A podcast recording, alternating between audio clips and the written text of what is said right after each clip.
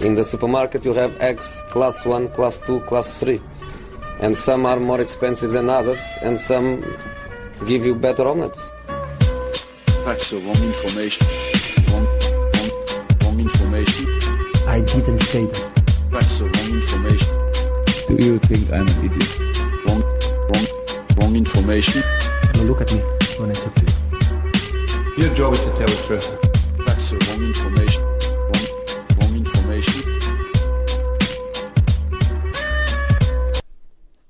Hälsar vi välkomna till Sillypodden. Det är dags för avsnitt 102 och jag som pratar här heter Martin Thulén.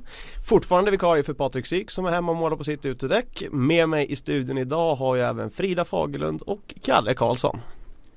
Ni börjar kunna det här nu? Ja det är väl tredje veckan i rad vi eh, kör. Inte du Frida, du var inte här förra veckan men du var här för två veckor sedan ja. Vi ersatte med en annan skåning då, Simon. Mm. Men nu är vi tillbaka i full styrka igen. Ja, och då har ju hänt grejer ute i fotbolls-Europas i sedvanlig ordning. Ja det Eh, snurrar på rätt eh, rejält den här sommaren får man säga. Både högt och lågt kan man säga. Precis. Och om vi ska börja högt men kanske samtidigt lite lågt. Det är väl Neymar-ryktet. Eh, där har det ju verkligen exploderat den senaste månaden, eller senaste veckan ska jag säga. Med att PSG ska vara ute efter honom och det ska vara en summa över 2 miljarder kronor. Ja. Och Neymar är ju inte dålig heller på att sprida lite extra fire under den här värvningen. Nej, det här ryktet har vi väl hört ganska många gånger förut. Eh, så när man hörde det första gången nu igen så, så reagerar man väl inte speciellt märkbart sådär. Eh, men sen har det ju kommit uppgift på uppgift och L'Equipe och eh, Le Parisien och eh, Massa Marsa och alla tidningar har liksom rapporterat om detta. Eh, så nu är det ju frågan om det faktiskt inte kan hända. Det finns nog en ganska stor möjlighet.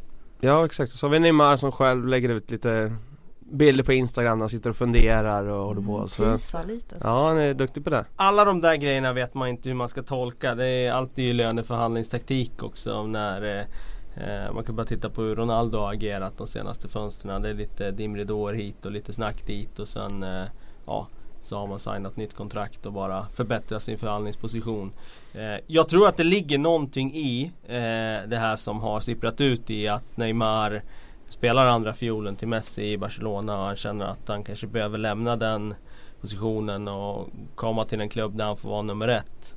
Eh, för att kunna slåss om Ballon då. För om man tittar på förra säsongen så Så alltså han blir väldigt avskärmad i Barcelona. Jag har svårt att se att han skulle ha en sån eh, roll i, i en annan klubb. Han skulle ju få en roll där allt skulle kretsa kring honom.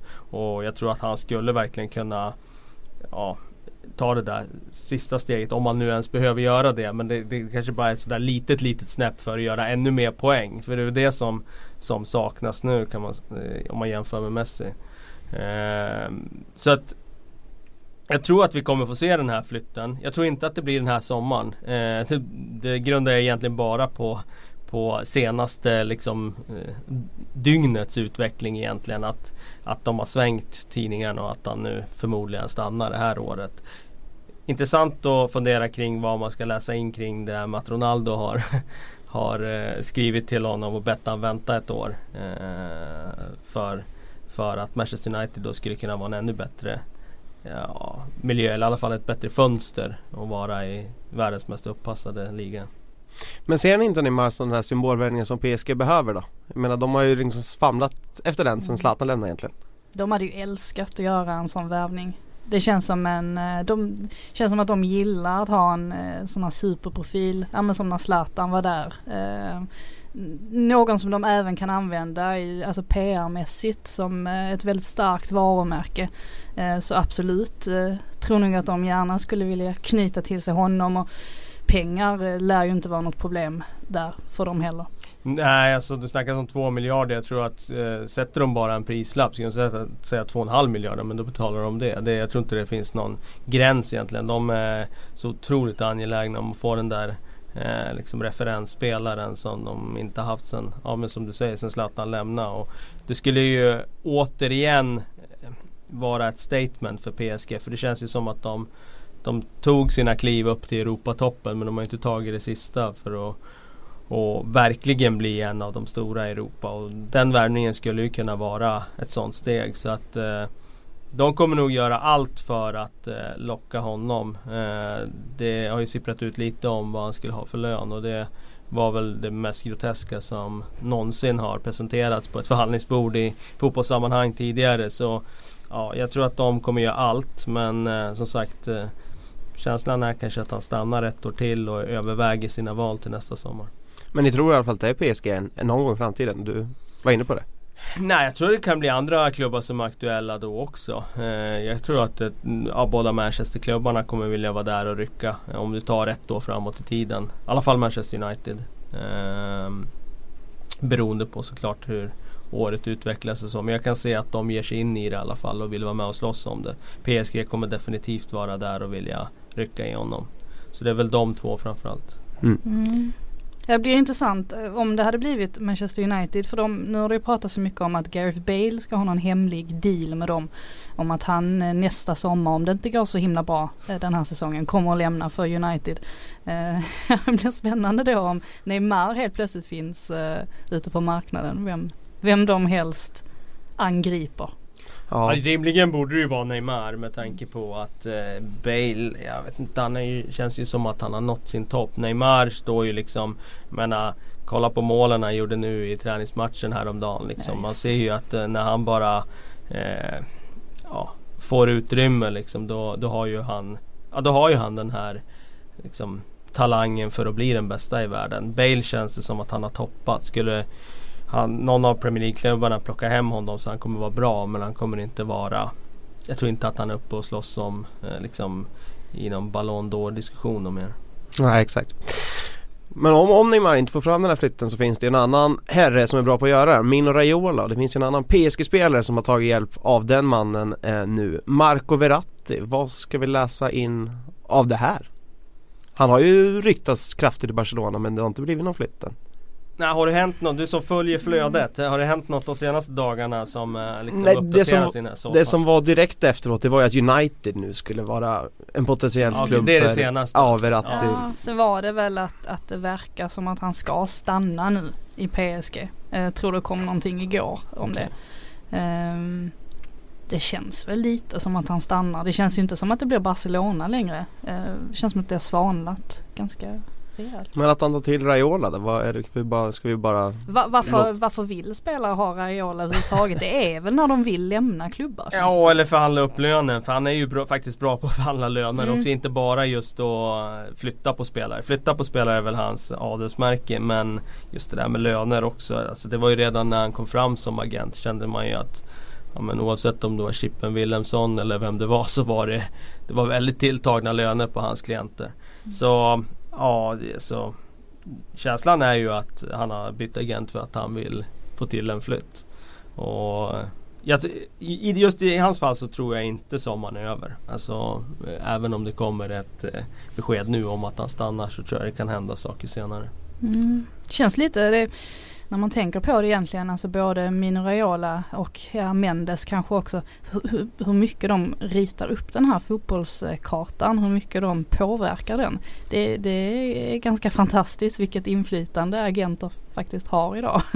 Ja, Raiola skulle kunna bygga ett helt lag i United snart tror jag med Lukaku, Zlatan. Ja, det blir ju nästan så. Han var ju inne i Milan där och snurrade ett tag och då kändes det som att han hade halva elvan där och nu är han United och jag tror att det är sånt där För klubbar är det sådär, egentligen vill de inte släppa in honom eh, över tröskeln.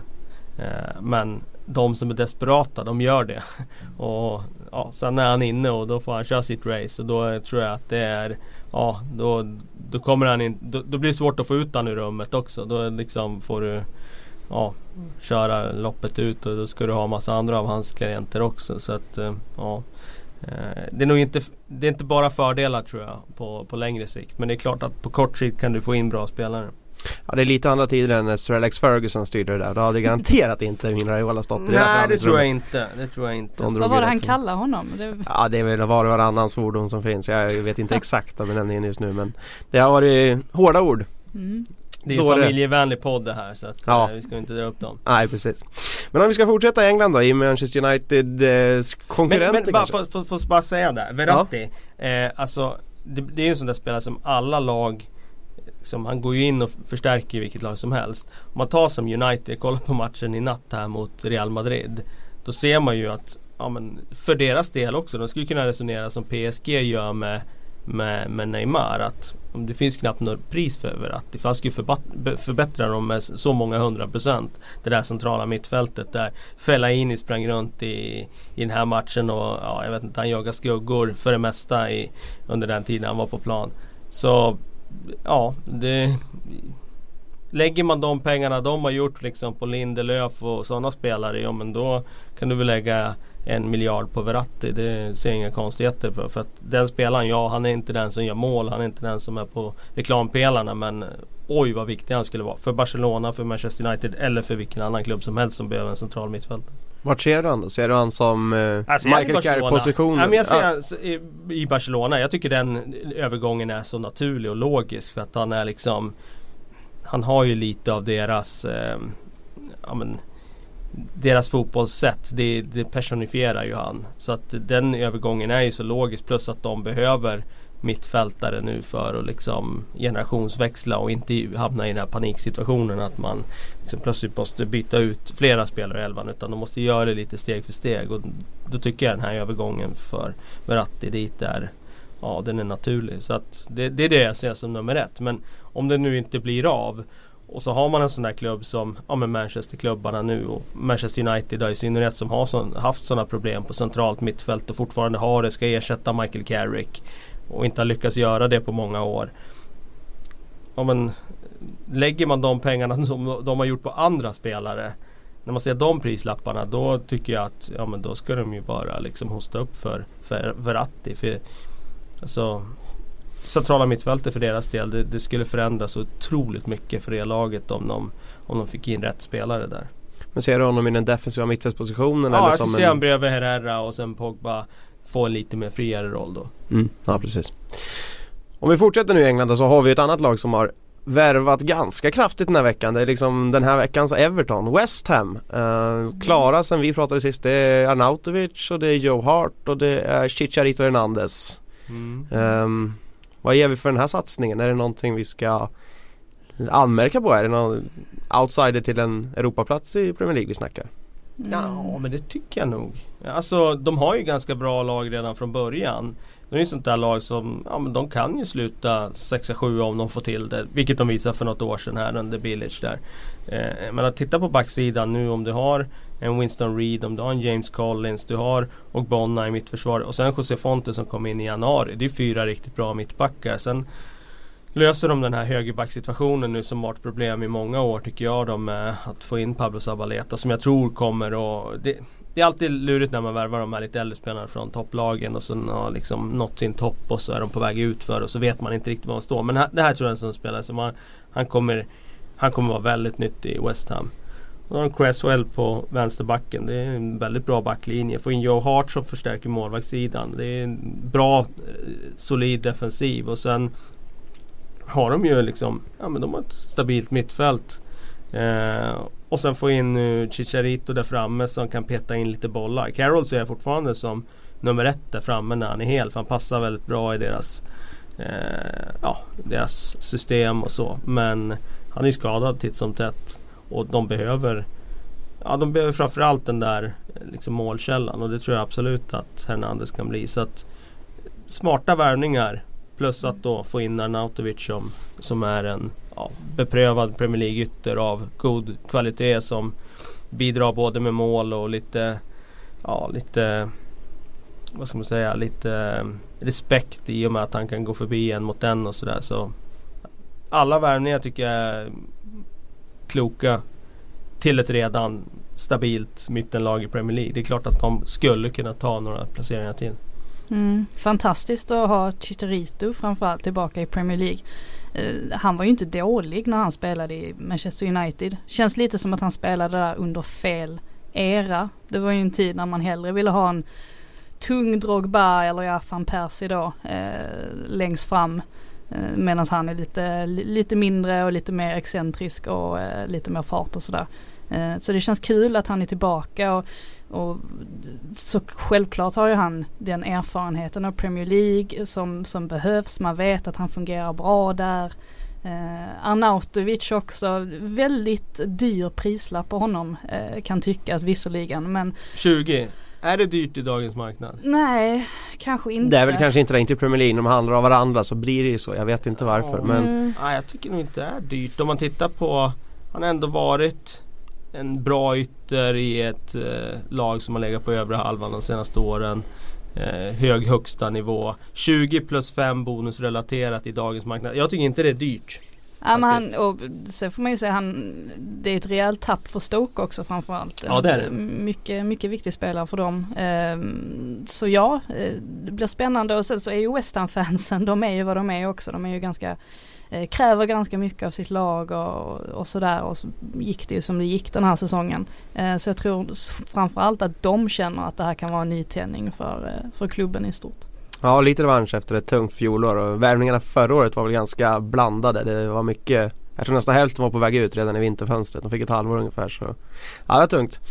Ehm, men hur ska vi hålla Chicharito? Nu är vi inne på det. Liksom, han, snackar vi liksom skytteliga vinnare potential i Premier League? Nej, nej, det gör vi nej. verkligen inte. Alltså, han är ju en jäkla måltjuv. Han är ju bra på att peta in bollar i straffområde. Och han kommer alltid göra mål.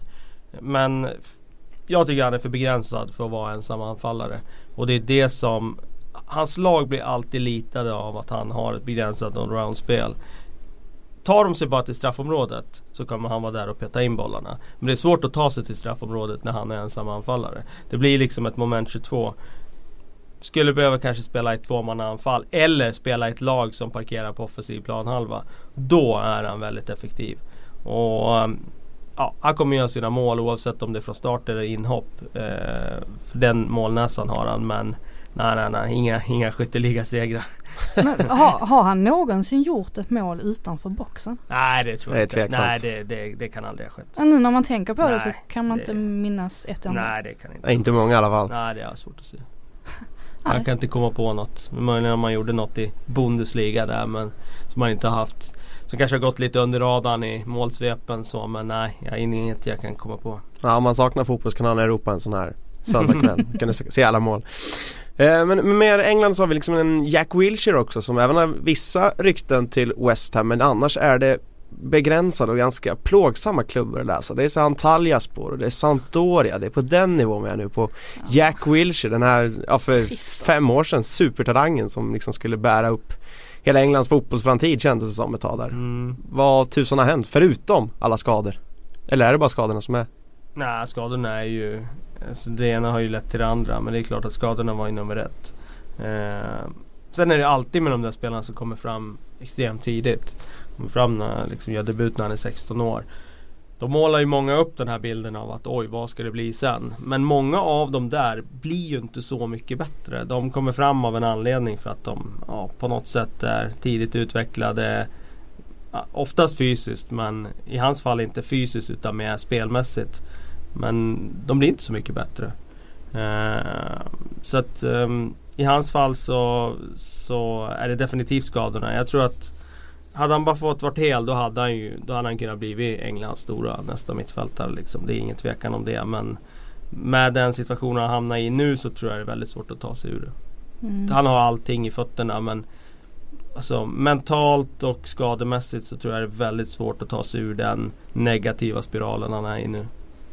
Ja, det, det är som du säger. Jag tycker också det känns lite som ett sånt där brittiskt syndrom också på något sätt. Att, att eh, får de en spelare som, som verkar väldigt lovande som ung så, så höjs förväntningarna till, till tusen. Och det finns ju ganska många exempel på spelare som kanske inte har, har levt upp till den. Eh, Ja men så är det ju. Vilket, eh, ja.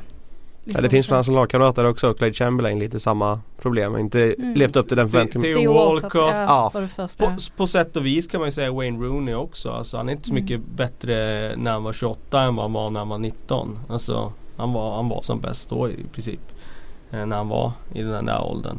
Så att eh, ja, det, jag, jag, jag tror också att det är ett engelskt fenomen. De är bra på att bygga upp sina unga stjärnor i media så till eh, ja, nästa superstjärna liksom. Och det, det blir ett ok som blir jobbigt att bära också. Verkligen. Everton, Tom Davis vet han har att vänta alltså.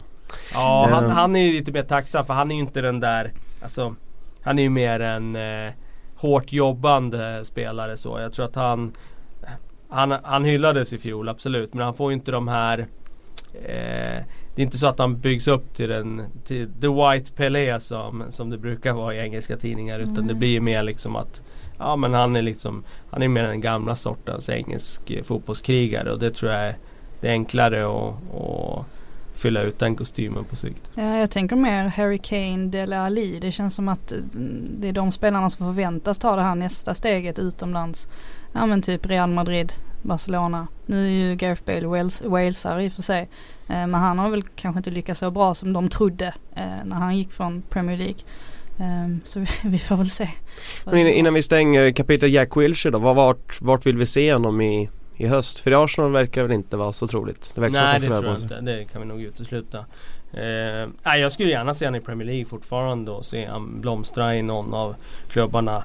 Det blev ju Bournemouth där på, på lån i fjol och alltså en sån typ av klubb nästa säsong. Eh, men jag ser inte riktigt vilken det skulle vara i Det nuläget. har pratats lite om Swansea som ersättare till Gylfi Sigurdsson då. Ja, just det. Eh, och den känns väl Det rätt skulle man ju logisk. kunna se i och för sig. Swansea som vill spela bollen efter backen och kanske nu vill göra det igen med ny tränare. Eh, det, det skulle ju kunna vara en klubb som faktiskt vågar satsa på en Wilshire och har liksom, ja, inte så mycket förlora på det. Mm. Nej precis. Krävs bara att Everton vill betala en halv miljard för, för Sigurdsson. Ja, Everton verkar ha mycket klaffar pengar som helst nu efter Lukaku-affären så det, det är ingen fara. Och nu ska vi då få höra den slutgiltiga domen för nu har ju Chelsea till slut presenterat sin anfallare. Så jag tänkte att du Kalle Karlsson ska Mhm. få redogöra nu hur det nu blir med Morata på topp istället för vad det nu har varit de senaste åren, Diego Costa. Ja, jag tror ju, jag tror att det mesta är en försämring eh, jämfört med Diego Costa i just Chelsea. För jag tyckte att han passade extremt bra där. Och inte bara just eh, alltså spelstil utan med hela sin aura, med sin eh, ja, vassa armbågar, eh, liksom eh, eh stil och eh, med också den typen av eh, attityd som eh, lite gjorde de mer respektingivande när de har den här andra typen av spelare där framme som Eden Hazard och Pedro som är lite eh, mjuka och veka kanske när det liksom blir tufft och sådär. Eh, så att det är en försämring i min bok. Eh, samtidigt så Morata har ju väldigt, väldigt stor potential. Och det är klart att på sikt så, så kommer han att kunna bli en riktigt bra forward i Premier League. Men jag tror inte att han går in och gör det som Diego Costa gjorde för Chelsea. Med allt vad det innebär. Alltså inte bara att göra mål utan det andra också. Allround-spelet. Eh, han behöver eh, tuffa till sig nu, Morata. Om han ska liksom spela ensam forward i, i, i topplag i Premier League där det kommer och eh, jag säger inte att han möter bättre mittbackar än vad han gjort tidigare. För det gör han inte. Men han möter tuffare mittbackar. Alltså rent fysiskt. Och där, eh, där kommer det bli en annan typ av utmaning för honom. Ja och det känns väl som de kanske inte litar på honom fullt ut heller. Det känns som att ska på väg in vid sidan av honom. De vill nog kanske ha en större, tuffare typ. De kanske inte är säkra på att han klarar det fysiska spelet som ni är inne på. Nej, och han var väl inte första valet heller. Han trodde väl själv att han skulle gå till United. Ehm, det kändes väl mer som att han blev en liten nödlösning när de inte fick Lukaku. Så eh, absolut. Det, Men finns det någon liksom olöst potential i Morata som vi inte har sett än, Ja men det är finns det ju och det, det ju, hänger ju också ihop med att han har inte varit ordinarie så många av sina A-lagssäsonger. Det är klart att det finns en olös, oförlöst potential hos honom. Sen gäller det att få fram den där och det är klart han har hamnat under en tränare som som är duktig på att lyfta den enskilda spelaren. Så det är klart att på det sättet så, så kan säkert Conte ta han liksom eh, framåt i, i sin karriär. Men det är det där att han har, alltså man vet inte riktigt med Morata. Är han redo för att bli första anfallare i ett lag som Chelsea som ja, ska ut i Europa liksom och slåss med de stora? Jag, jag är inte säker men vi får se. Super! Eh, om vi ska fortsätta i Premier League så kan vi däremot backa tillbaka till en backlinje lite mer och det är Liverpools backlinje som nu börjar klarna lite mer. Robertson är klar, vänsterbacken, Mm. har fått in en vänsterfotalternativ där. Eh, där vi egentligen bara pratat om att det, det var på tiden. Men det finns en annan intressant grej. Det är med Virgil van Dijk som nu har försöker bråka sig bort från Southampton. Han följer inte med på försäsongslägret för att han inte är hundra fysiskt redo liksom, eller psykiskt redo kanske snarare tal om. Um, är det Liverpool vi ser honom eller är det Arsenal? Vart ser vi van Dijk? För det verkar som att nu är det verkligen hårt mot hårt här. Jag ser han där eh, den klubben som är mest desperat efter en mittback. Och det kan vara Manchester City, det kan vara Liverpool eller det skulle kunna vara Eh, Arsenal också. Eh, men Arsenal, ja eh, Det har inte varit så mycket rykten om det. Jag tror inte att Wenger kommer att betala de pengarna som kommer krävas i den här affären. Liverpool har ju varit det eh, liksom hetaste ryktet och eh, nu när han börjar bråka sig till det. Då tror jag att det kommer bli en övergång för honom innan sommaren är över. Eh, Ge det någon vecka in i augusti. Två veckor in i augusti. Ligan börjar närma sig, sparka igång. Eh, premiär, han är fortfarande inte huvud på plats. Då tror jag att det blir en summa som kommer att droppa lite grann och ett Liverpool som kommer att lägga den och eh, få loss honom. Mm. Han kommer ju aldrig stanna. Eh, det känns, äh, Southampton vore ju galna om de eh, inte skulle sälja honom för de hiskeliga summorna som det har pratats om. Eh, det vore ju galet att tacka nej till det. Men man vet inte vad klubbar har budat heller va? Man har bara fått den där summan vad de själva vill ha liksom. Att, eller är det inte det? 750 miljoner liksom. Det är väl det man har hört liksom. Ja. Vet aldrig Liverpools egentliga bud. Nej, nej precis. För ligger, de, det, ligger budet på 400 miljoner och de kräver 750 ja då, då är det klart, då är det en väg att vandra i den förhandlingen. Men som sagt, jag tror att de kommer mötas någonstans där och jag tror att SA-15 kommer behöva droppa den rejält. Mm, ja. Oavsett vad så en mycket bra investering för en mittback som har varit skadad ganska mycket och eh, ja, håller hög klass men har kanske inte bevisat så mycket ändå. Du menar att det är en bra försäljning? Eller? Ja. ja precis. Ja, eh, jag menar vi hade en Dejan Lovren som var väldigt, väldigt bra i SA-15, gick till Liverpool.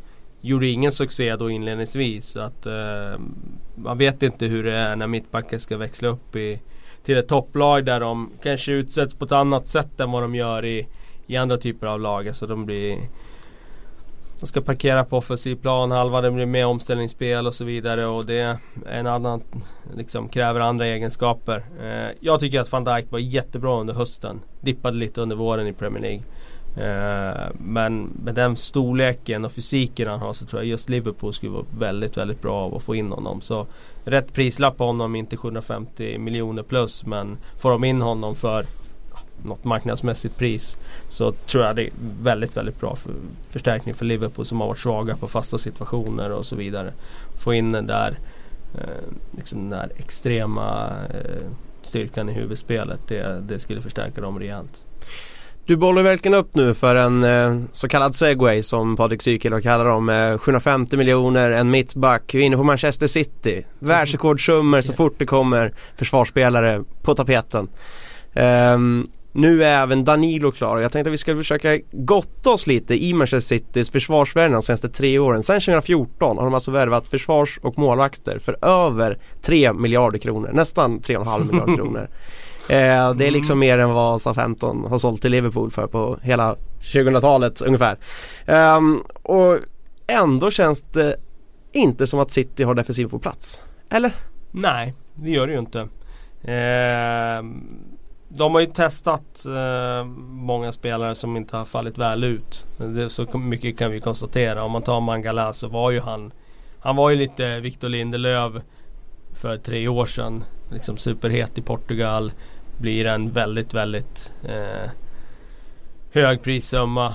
Men folk har egentligen inte sett han så mycket utan man vet inte riktigt var han står. Och det blir lite på prissumman att ja men han borde ju vara bra om de betalar sådär mycket. Kommer till Premier League och han är lite hit and miss kan man säga. Verkligen. Och City har ju inte så fått till det. Jag tror att hade bara Vincent Kompani varit hel under de här åren. Så att den som hade kommit in hade fått spela bredvid en hel frisk kompani som hade varit den där ledargestalten i Citys backlinje som han en gång var. Då tror jag att det hade kunnat betytt enormt mycket. Då hade kanske Mangala varit jättebra idag. Eh, då hade kanske Otamendi varit bättre än vad han har varit. Då kanske Stones hade varit bättre än vad han har varit. Så att det, man får komma ihåg att det, det, det har inte varit någon lätt miljö att komma till heller. Och ehm, men samtidigt, ja det, det är klart när man lägger fram det 3 miljarder på en massa spelare och så har man fortfarande frågetecken i backlinjen. Det är klart att det är ett, Det är liksom Ja det är ju ett, eh, ett stort fiasko såklart. Det är ett misslyckande om man, om man lägger så mycket pengar och inte får till det. Mm. Nu får man ändå in, alltså Kyle Walker vet vi ju att han, att han är duktig i, i Premier League. Eh, så där får man ju- mm, man hoppas i alla fall att det är en spelare som går in och eh, känner sig bekväm i, i, i spelet. Eh, I och för sig så hade ju Stones också en massa erfarenhet och kom in och var väl inte sådär jättebriljant och passade inte in. Ehm, så vi får väl se. Eh, sen Danilo, han känns ju lite som han känns egentligen för bra för att vara en backup. Men samtidigt så är det ju en spelare som kan spela på många olika positioner. Eh, så antagligen är det väl det Guardiola har tänkt med honom. Att han ska kunna förflytta honom. Och sen om jag inte är helt fel på det så är väl Danilo, han föredrar väl själv att spela lite så här defensiv mittfältare. Mm. Lite högre upp. Han tycker själv Mm. att han är Att han är det. En wingback eller defensiv central Nej, mitt? Nej, defensiv central central. mittfält. Ja. Att han spelade det tidigare. Så att Guardiola tror ska ju då, sägs det ha sålt in då att han ska vara, vara tillgänglig både som högerback, kunna konkurrera som vänsterback och som defensiv mittfältare. Och det, det är klart, har du tre positioner så ökar det ju chansen till speltid rejält. Det låter som Filip Lahm 2.0. Mm, Ja, men lite så. exakt. Jag tror det är så han har, han har tänkt i alla fall. Lite samma grej. Men vad är det som gör att City inte får till den här defensiven då? Är det felscoutat eller är det... tycker det är att man inte tänker riktigt långsiktigt. Ehm, man, man köper in väldigt dyra spelare som man tror ska kunna gå rakt in i en backlinje istället för att köpa en up and coming för ett lite mindre pris. Ehm, ibland funkar det och ibland funkar det inte och det har ju uppenbarligen inte fungerat för City eller fallit väl ut. Men ehm, ehm, alltså det, det är ju också en fråga om vad sätter man dem i för situationer. Om du tar City som de spelade i fjol under Guardiola. Så det är inte lätt att vara försvarare i ett sånt lag som ska spela på det sättet. Och så tappar de boll och så står ytterbackarna liksom uppe i anfallsposition och så blir du blottad på ett sätt som du inte blir om du spelar som Stoke. Liksom, eh, ja. Du, Tio man nu, bakom nu, nu i och för sig, nu använder jag en schablon här med Mm. Stoke liksom. De spelar ju inte riktigt så som de gjorde Du får nog ta. West Bromwich nu Ja, med. West Brom, exakt. Och det, det, det är en annan sak mm, liksom, försvarare i Manchester City jämfört med att vara i West Bromwich. Ehm, med det sagt så, nu har de ju liksom Nu har de ju lagt pengar som ingen klubb någonsin har lagt på ytterbackar. Så det vore väl, eh, ja det vore ju helt sjukt om de inte fick till ytterbackspositionerna nu. Walker som du säger, han kommer, ju, han kommer ju göra det tillräckligt bra. Han är snabb och stark och han är bra en mot en och det kommer att betyda mycket såklart. Samma sak nu med Mendy. Han är också snabb och stark och duktig en mot en. Det är ingen man liksom bara petar förbi bollen och, och springer förbi. Det, det är svårt. Eh, så att nu känns det som att nu har de löst de positionerna. Eh, nu behöver de få till det i mittförsvaret. Och mycket där handlar ju om att ha lite av den långsiktigheten som du är inne på liksom med, med John Stones. För han har ju Han har ju alla egenskaper för att bli en bra Pep Guardiola mittback.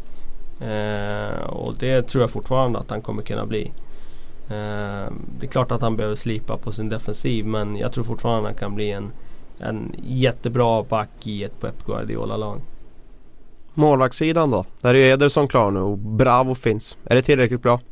Nej, Ederson ska ju vara tillräckligt bra. Eh, Men det känns på Portugal-syndromet där också. Vi har sett honom lite men det pratas upp om honom. Verkligen, men såg han ju lite i Champions League och där övertygar han ju. Och han ska ju vara väldigt, väldigt bra med fötterna. Det är ett krav. Det om förstod vi. Ja, om man spelar under Pep. Eh, var ute där och seglade lite där i träningsmatchen mot United såg jag här, eh, häromveckan. Eh, men eh, ja, jag tror att om man tittar på Citys målvaktssituation i fjol där Bravo total kraschade och Caballero kom in och fick liksom fylla ut och vikariera och gjorde det väl helt okej liksom. Eh, men det kan inte bli sämre än vad det var i fjol med tanke på att Bravo var så svag som han var. Så att eh, jag tror att eh, de har definitivt uppgraderat sin målvaktssituation. Jag tror att Ederson kan säkert behöva också lite anpassning till engelsk fotboll och lite tuffare spel, lite mer inläggsbaserat och tuffare i luftrum och så vidare. Men tids nog så kommer han och eh, tror jag ta samma typ av resa som andra målvakter som har kommit till ligan eh, från ja, Iberiska halvön. Han, det, jag tror att han kommer att växa ut till att bli en bra keeper. Bravo är jag lite mer osäker på för jag tycker inte han har luftspelare för Premier League. Överhuvudtaget. Nej. Nej precis. City då innan vi, innan vi stänger butiken, har de, har de defensiven nu? Om vi räknar in Mendy som klar. Är det defensiven Ja. nog för att vara Premier League-vinnare kommande säsong? Nej, det vet inte tusan alltså. Ja, de, de kan vinna ligan absolut. Med den offensiven de har så, alltså vad, vad ska man säga? Det, så de kan ju vinna matcherna med 4-2 varje helg liksom. Och då behöver de kanske inte ha så bra defensiv.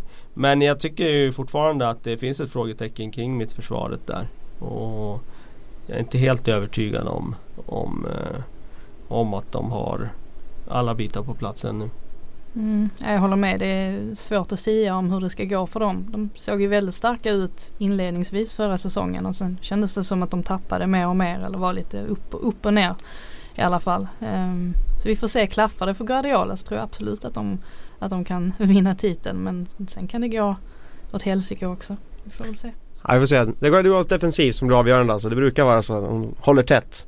Kanske framförallt. De gjorde det i München mycket med Neuer. Det var väl rekord i antal nollor. Men i City har det inte alls gått. Ja, det var ju en annan eh, lite mindre konkurrenskraftig liga får man säga. det får man säga också. Eh, och med bättre spelarmaterial också faktiskt. Alltså de hade ju väldigt bra lag i Bayern. Eh, så att, eh, mm. Eh, en mittback in, då, då tycker jag de har ett komplett lag. Men innan de har fått det, då, då sätter jag ett frågetecken. Då landar väl Van Dijk för 750 miljoner. Ja, det kan ju bli så att det liksom eh, blir att de plockar van Dijk och då, då tycker jag väl i och för sig att de Ja, då, då, då ser det bättre ut än vad det gjorde innan. Fint. Eh, vi var inne på Bayern Då är de uppe på 4 miljarder. Ja det är de ju också. Det Mm. vore ju helt fantastiskt. Då kan vi spela in en extra avsnitt av podden. Eh, men Bayern München, vi var inne på det lite, så finns det en mittfältare där som intresserar mig lite grann. Eh, Mm. Renato Sanchez. Okej, ja.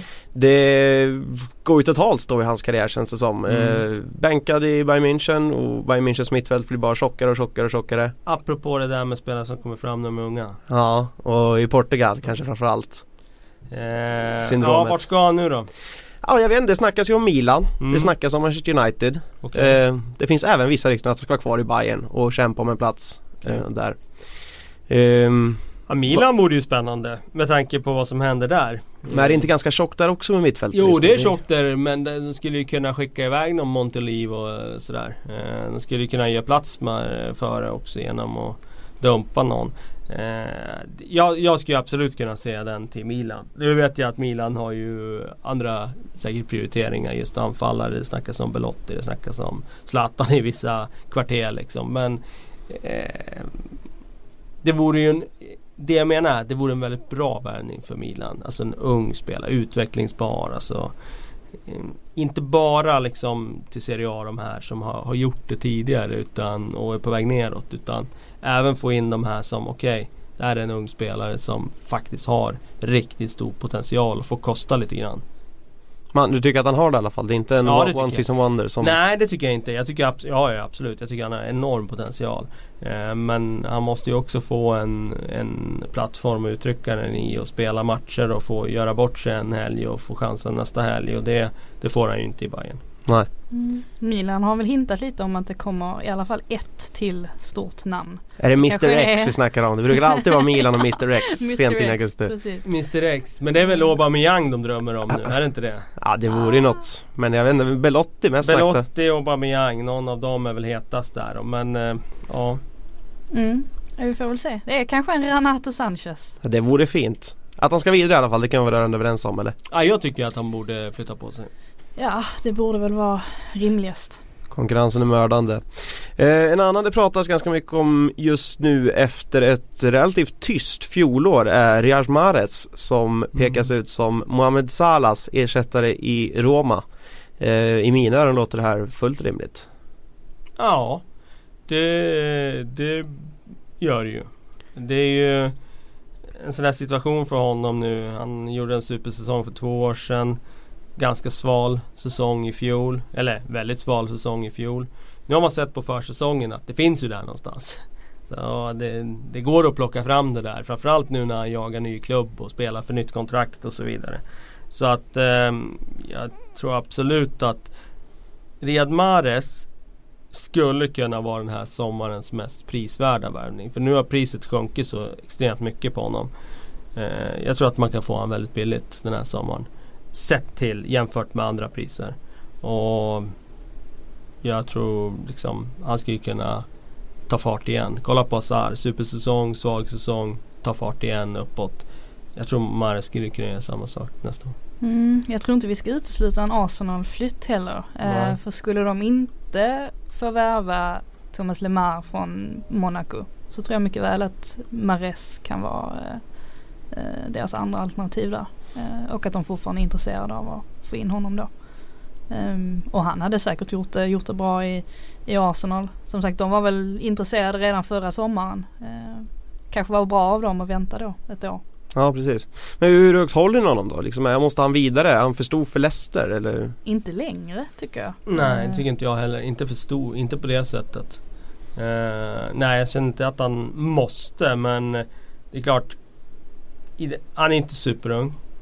Eh, han får chansen nu att göra en flytt. Gör han en till dålig säsong i, i, i Leicester då, ja, då är han ju Sval. Ja då är han ju väldigt sval. Nu får han chansen att gå till en stor klubb som Roma. Det är klart. Eller Arsenal. Det tycker jag att han ska gå absolut. Det tycker jag. Han ska ta chansen nu. Eh, han fick ju inte flytta förra året när han var superhet. Ja, nu har han svalnat lite grann. Eh, så jag tycker absolut det kan vara läge för honom om han får möjlighet att gå. Super. Eh, innan vi går in på frågorna ska vi bara lösa en, en eh, anfallsposition till. Det är där det händer på alla ställen just nu i anfallet. Och det är Real Madrid som idag, eller om det var igår, har bekräftat att de ska in en anfallare till innan transfönstret stänger nu. Eh, de har ju släppt Morata till Chelsea och de har släppt den där Mariano Diaz som hette va, till Lyon tror jag, från Ekvatorial Guinea eller något sånt där. Ja. Ehm, och då, det det pratas om då det är fortfarande Mbappé förstås men Mm. den borde väl snart kunna stängas. Så var liksom hittar vi reservalternativet? Det talas just nu om unga sådana här Kasper Dolberg och Domenico Berardi. Det är på dem nu är. Ja det vete tusan. Jag såg Real Madrids eh, unga reserver i natt eh, spela träningsmatch eh, mot Manchester United. Jag, jag tycker de imponerar enormt. Eh, jag tror att det, det finns många breddspelare som, som Real Madrid kan plocka upp faktiskt ur de egna leden. Eh, och den här värvningen det kommer ju vara en spelare som bara står utanför startelvan utgår jag ifrån. Antingen tycker jag de ska gå in stort, en, ja, Bappé liksom för jättestora pengar och spela in honom. Eller så då, då, jag tycker inte det är någon idé att värva någon sån här halvdan eh, spelare. För man vet hur det blir med de spelarna i Real Madrid. De är där något år så har de bara förstört karriären för de får inte spela och så vänder de ut två år senare och så har, har de bara stagnerat. Det, Mm. det är för spelarna själva. Det är klart Mm. att Real måste ha in en spelare rent truppmässigt. Men eh, vem den spelaren är. Som sagt jag tycker Om jag hade varit Real då hade, jag, då hade jag fortsatt på den filosofin som var antingen stort eller eh, Eller eget. Egenproducerat. Ja. Mm. Ja men exakt, i vilket fall så kommer det ju bli en ung spelare tror jag. En långsiktig eh, som de kan bygga upp. Eh, som de är väldigt duktiga på att göra. Bappé vore såklart eh, Helt i linje med Mm, Real Madrids DNA och så vidare. Verkligen. Exakt. Då så, då kör vi sista stunden eh, åt frågor. Vi har fått en här från Eriksson. Eh, en väldigt lång fråga men som i kort och gott handlar om eh, Julian Wiegel. Varför är det så tyst om honom? Ja det är lite eh, märkligt faktiskt med tanke på att eh, Han är ju den sortens spelare som det finns ganska få av på marknaden. Alltså kloka, smarta, spelskickliga centrala fältare som har visat att de kan göra det i en stor klubb. Eh, bra ålder. Eh, jag tycker också att det borde vara mer snack om honom. Eh, jag vet inte varför. Kolla Har väl haft lite skadeproblem tror jag. Eh, Har det, du- varit, du alltså, jag kan vet inte riktigt vad hans kontraktssituation är. Jag ska kolla det här medan du går vidare här. hur, hur bra håller du Julian Wiegel då Frida? Ja, 2000, han tecknade ju nytt kontrakt i vintras till 20, 2021 så det är klart eh, Det kanske gav en hint om att han vill vara kvar där Något år till i alla fall. Annars är väl en defensiv mittfältare som hålls ganska högt. Så både som eh, liksom kunna balansera upp lag och spelfördela runt bollen. Ja precis. Ja absolut. Ja. Vi stannar där eller på Julian Wigel. Vi har inte så mycket mer på honom. Nej, alltså jag, kan, jag, jag håller med den som skrev frågan att jag tycker också att det är lite för lite snack om honom. Ja, ja. Eh, vi får ju också mycket allsvenska frågor. Vi kanske ska bara förtydliga det att det finns ju en allsvensk podd för just det ämnet. Eh, vi försöker mest rikta in oss på fotbollseuropa men det finns ju svenskar i fotbollseuropa som till exempel Sam Larsson eh, på GT Spanien under det här Andreas Talenius. Eh, det är väl Celta Vigo det har Mm. snackats mest om där. Eh, det har väl även funnits lite PSV Eindhoven. Han saknas på deras lagfoto såg jag någon rubrik Han härom vill ju också. därifrån nu i alla fall. Det kan verkar så. ju. Eh, men var passar han bäst då tycker ni? Undrar Andreas. Spanien vore ju spännande för en Ja, sån typ av spelare. Sen har vi ju ganska få svenskar där borta också så det vore väl det vore väl kul med lite extra svensk intresse där i La Liga. Jag hade, jag hade absolut kunnat sätta han i en La Liga-klubb på under halvan. Mm. Eh, och kanske inte vara start varje match men du vet, göra sina, sina rotationsmatcher liksom. Ja han borde lämna Holland i alla fall eh, och testa på någonting annat. Det känns som att han har varit där ganska länge nu och ska han ta nästa steg så, så känns det som att det är För ålder på han? Han är 92 eller? Ja han 93 är han. 93 ja. Mm. Skulle han närma sig landslaget med en flytt till Spanien eller skulle han hamna längre ifrån om han hamnar utanför en startelva? Nej, det, ja det är klart om du blir helt fast på bänken där så blir du ju längre ifrån. Men å andra sidan måste du ju satsa någon gång. Nu är han 24 det här året Mm. och det är liksom Måste ju spänna bågen då också. Och gå kanske till en större liga för att se om man kan ta det där klivet i en, i en större liga. Så jag tycker absolut att det kan vara läge för han och Får han möjlighet att gå till en La Liga-klubb så då ska han inte tänka på landslaget. Då ska han bara tänka på möjligheterna där. Super. Eh, många undrar om Chelsea, bland annat Henrik Auvinen eh, som eh, säger att det är mycket rykten om Chelsea men inga intensiva rykten och de behöver bredda på både eh, left wingback och höger wingback. Eh, Ja. vad ska de få in? Det börjar bli tunt också. Nu är Danilo klar för Manchester City bland annat. Mm. Nej, det är ju ett snack om Kandreva där från Inter och det är väl en eh, ja, sådär. Breddlösning, lite ja, panikartat va? absolut. Det är, jo, men det är en breddlösning. Samtidigt är det ju en kontespelare så han använder ju honom väldigt flitigt i landslaget och han var ju som bäst nästan när han spelade i landslaget också under Conte. Eh, så det vore väl en eh, lämplig sån här breddvärvning för att bara få in en spelare som kan som kan eh, ja, anpassa sig till den positionen eller liksom fylla ut den positionen och fylla ut en plats i truppen. Eh, då blir ju å andra sidan intressant vad, vad händer i Inter som eh, eh, ja, i så fall riskerar att tappa både Kandreva och Perisic nu i ett läge där de egentligen borde skicka iväg massa andra av sina liksom breddspelare eller sina överflödiga sopor. Eh, det var hårda ord. Sopor de har ju ganska många övervintrade, eh, överbetalda spelare som inte har lyckats. Och jag tror att Inters eh, supportrar eh, skriver under att det finns en del eh, garbage i den där truppen som skulle behöva eh, vändas ut. Eh, De senaste rykten jag såg väl var väl idag, det såg att det var SA-15-duon eh, Bertrand och Cedric Suarez jaha, Som jag tror var London Evening Standard så vi ska väl ha det på den nivån men det är i alla fall vadå? Till ihop. vadå? Till Chelsea som Till. Chelsea? Mm. Okej, ja. Eh, Jag tror du menar till Inter, det hade varit Ja, en, nej, nej, det hade nej. varit en eh, outsider. ja, jag var fortfarande kvar i Chelsea-spåret som frågan var på Ja, nej, men jag trodde vi stängde det med Kandreva där. Det är det Mm, ryktet mm. som är just nu om wingback-positionen där. Fint eh, Prince 22 skriver bara snacka Marseille utropstecken eh, Moussa Dembele och då snackar vi alltså den i Celtic och Backa på väg in och de har redan värvat Germain, Luis Gustavo, Mandanda och Rami ska vi komma på Payet där sen förra året finns ju kvar Mm, eh, Det är nog en liten Ny satsning, satsning, till ja, ja. precis precis. För att utmana Jag vet, PSG och Monaco där jag vet inte vad det blev för ny ägare där. Hon Dave Friss hoppade väl av där va? Jag Var vet inte vad de har för typ av- Jo det var nog amerikanska ägare in där också. Eh, så de kanske spänner bågen nu för att göra en ny satsning i, i Marseille. Ja. Verkar ju som det. Känns det som det finns utrymme nu? Var det Monaco som liksom spräckte bubblan att de andra också börjar känna att vi kan också utmana PSG som har varit den stora dominanten. Jag tänkte precis säga det att det är framförallt bra för Liga att det blir lite mer eh, konkurrens. eh, Att det kommer upp lite, lite större lag och blir lite fler lag som framförallt kan slåss om titeln och Europaplatser och sådär. Det är kul. Fint. Eh, The Swedish Gunner, eh, vad behöver Arsenal värva mer? Ja. Ja, Thomas Lemar eller eh, Mares kanske.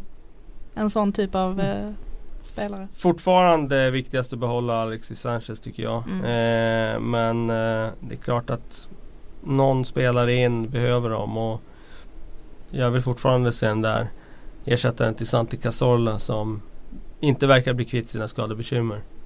Men den är svår att hitta. Mm, den är verkligen det.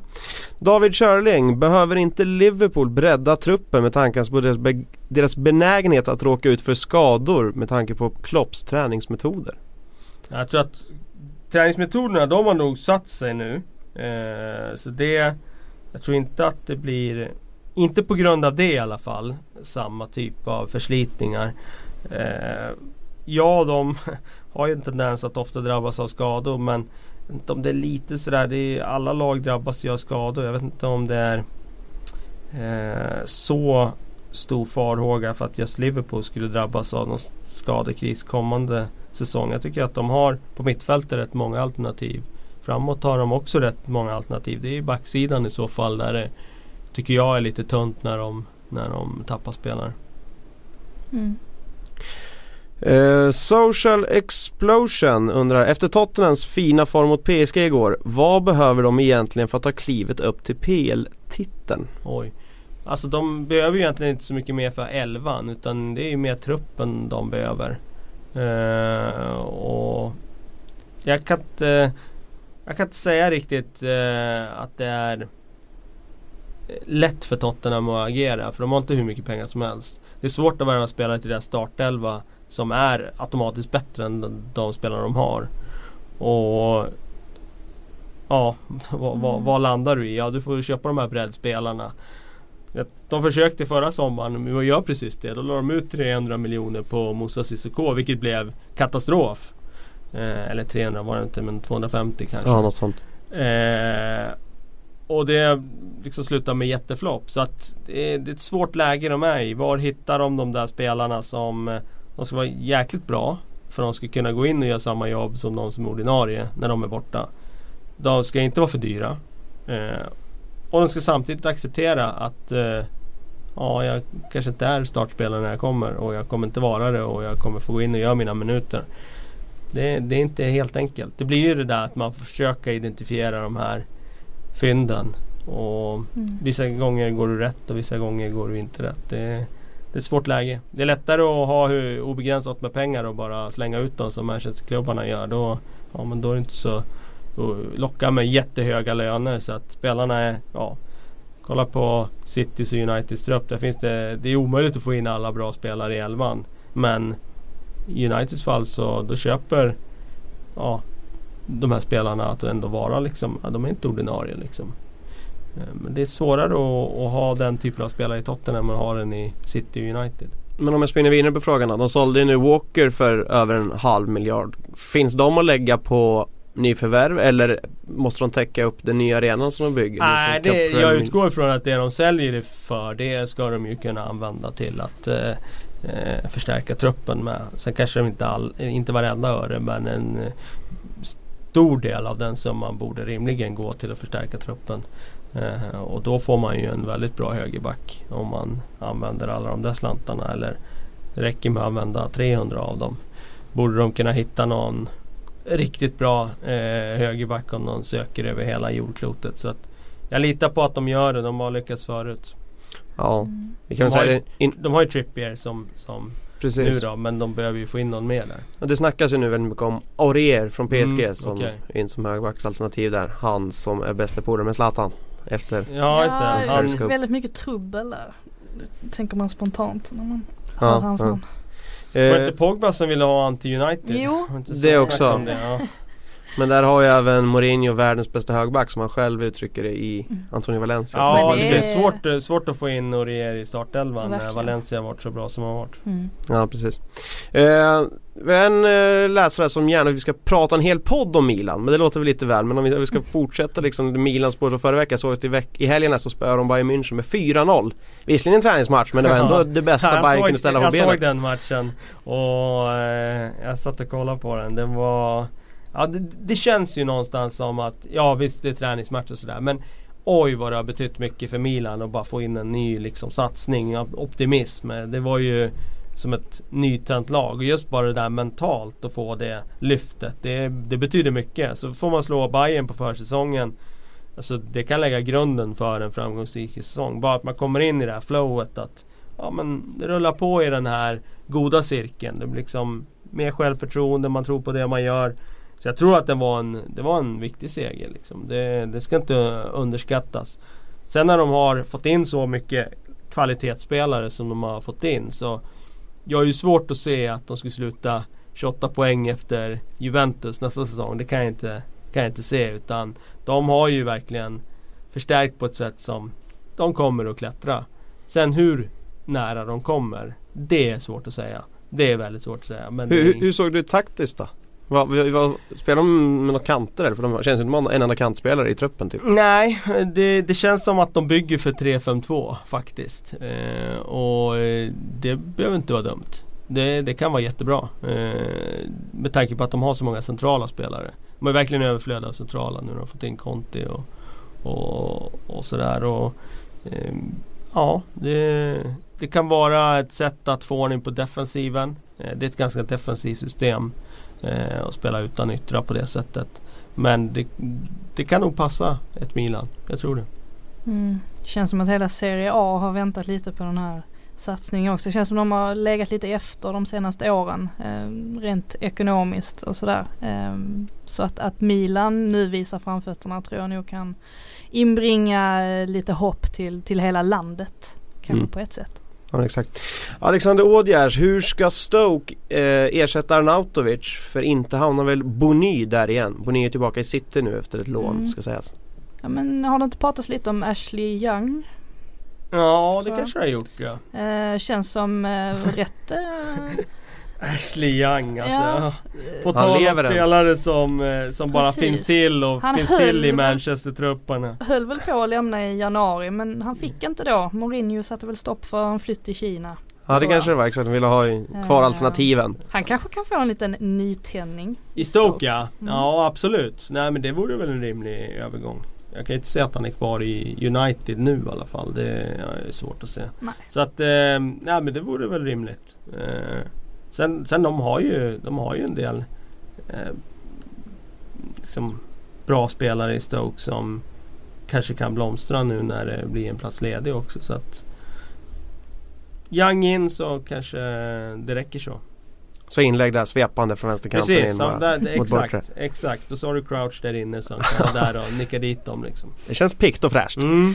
Eh, kommer, vi, eh, kommer Liverpool lyckas få till någon värvning? Ser mörkt ut för Keita och eh, Virgil van Dijk. Får Klopp rikta in sig på plan B? Jag tror inte att sista ordet är sagt när det gäller någon av de två spelarna där. Det som är oroande för Liverpool det är ju om Manchester City skulle sno åt sig van Dijk och Manchester United, vilket det nu har skrivits det senaste dygnet här om att eh, de ger sig in i jakten på Naby Keita. Det är oroande för dem. Eh, annars tror jag att båda de där spelarna kommer att eh, vara transfersagor som går in i en bra bit in i augusti. Det, det kommer att vara spelare som har van Dijk redan har börjat liksom sätta sig på tvären. Jag tror att Keita kan göra det också. Och då hamnar saker och ting i ett annat läge. Så jag tror inte man ska ge upp när det gäller de två. Mm, man undrar ju lite om eh, alltså Leipzigs eh, ägare och folket där runt omkring som går ut och dementerar den här flytten så himla starkt gång på gång. Om det bara är ett spel för gallerierna eller vad det egentligen är i görningen. Um, känns ju som att det kan vara en förhandlings, förhandlingsgrej typ eh, för att pressa upp priset så mycket man kan. Sen å andra sidan varför skulle de vilja släppa Keita? Det, ja, det känns inte som att de behöver pengar. Och, de vill ju snarare vara med där uppe och slåss i, i toppen. Men visst, vill inte Keita spela så. Om jag ska lansera ett eh, B-alternativ Ja, då, om inte Keita kommer. Renato Stoke. Sanchez. Var inte han perfekt till Liverpool som central mittfältare? Ja, det är lite samma typ av spelare som Keita. Eh, Så Ja, absolut. Det är ju en... Eh, ja, har, du- har du ringt Klopp? Nej jag har inte gjort den, jag har inte fått jobbet som sportchef än. Men när det väl kommer då tusan då är jag redo. Jag har önskelistan klar. Det är Eh, ju det är lite mer en så här, eh, ja, det, Lite mer chansning. Keita känns som färdig. Färdig spelare. Sanchez blir stor potential men det kommer, du kommer vara tvungen att ge han tid. Och ehm, det är klart, det skulle kunna vara en Liverpool-värvning. För de eh, har ju köpt den typen av spelare och fått utväxling av det också. Liksom, ta en Coutinho för en lågprislapp i, i, i ett Inter liksom och så tar det ett par år och sen blommar han ut till ja, en av ligans bästa spelare vilket han kommer att vara kommande säsong om han stannar. Eh, så att ja, jag, jag ger dig tummen upp på den alltså. Tackar, fan beröm från Kalle Karlsson, inte ofta. Eh, en sista fråga innan vi stänger igen för idag. Så Alex Jörgensen vill att vi ska prata lite om Peps storhet. Han får allt han pekar på och och hur långt efter Wenger är efter i den här eh, värvningskarusellen vi ska kalla den. Liksom att Guardiola får allt han pekar på, Wenger får ingenting liksom. Men känns inte det lite som kompensation till Pep? För att när han kom till City så var ju det laget lite, lite håligt ändå. Det var ganska mycket som man skulle få in. Eh, Det känns lite som att han nu får, ja men ska bli nöjd helt enkelt. Och att det är därför som han får ta in så här pass många spelare. Att det är någonting som, ja, har, har legat lite på. Det var väl bara Sterling han fick in där första, första året som var väl hans eh, önskeval. Eh, sen var det inte så mycket mer om Jag inte minns. Nej, det var nog inte så mycket då. Sen fick han ju Jesus, Jesus i januarifönstret. Precis. Vilket var en betydande värvning såklart. Men eh, eh, nej, det är Stones då. Som var hans Just det, Stones Just, kom ju från. äh, och Bravo ska jag säga. Bravo kom Ja, också. Bravo som floppade totalt. Ja, det får man säga. Eh, Så ja, men säg att han fick en då. En lite här och där. Eh, Men ja. eh, Känslan är att Pep är Pep. Han har väldigt eh, stort eh, liksom Hans ord väger tungt för att han har den meritlistan han har. Plus att han är en klubb som har så mycket pengar. Så det är svårt att jämföra med Wenger som är en klubb som inte har lika mycket pengar plus att han själv inte heller har något intresse av att driva upp prislappar. Medan Pep han vill ju bara ha spelare som skiter han i prislappar. Så att eh, det är svårt att jämföra de två på transfermarknaden. Så. Men du tror att en spelare någon gång väljer om man får liksom står och väljer mellan City och Arsenal och är det Guardiola som väger över mot Wenger eller är det bara pengarna vi snackar?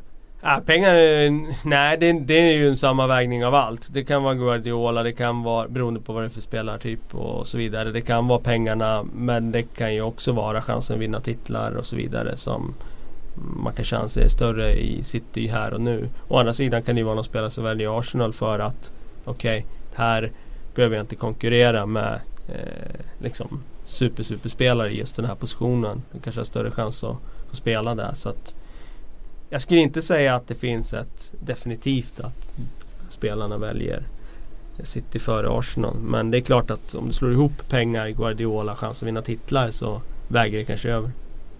Ja exakt.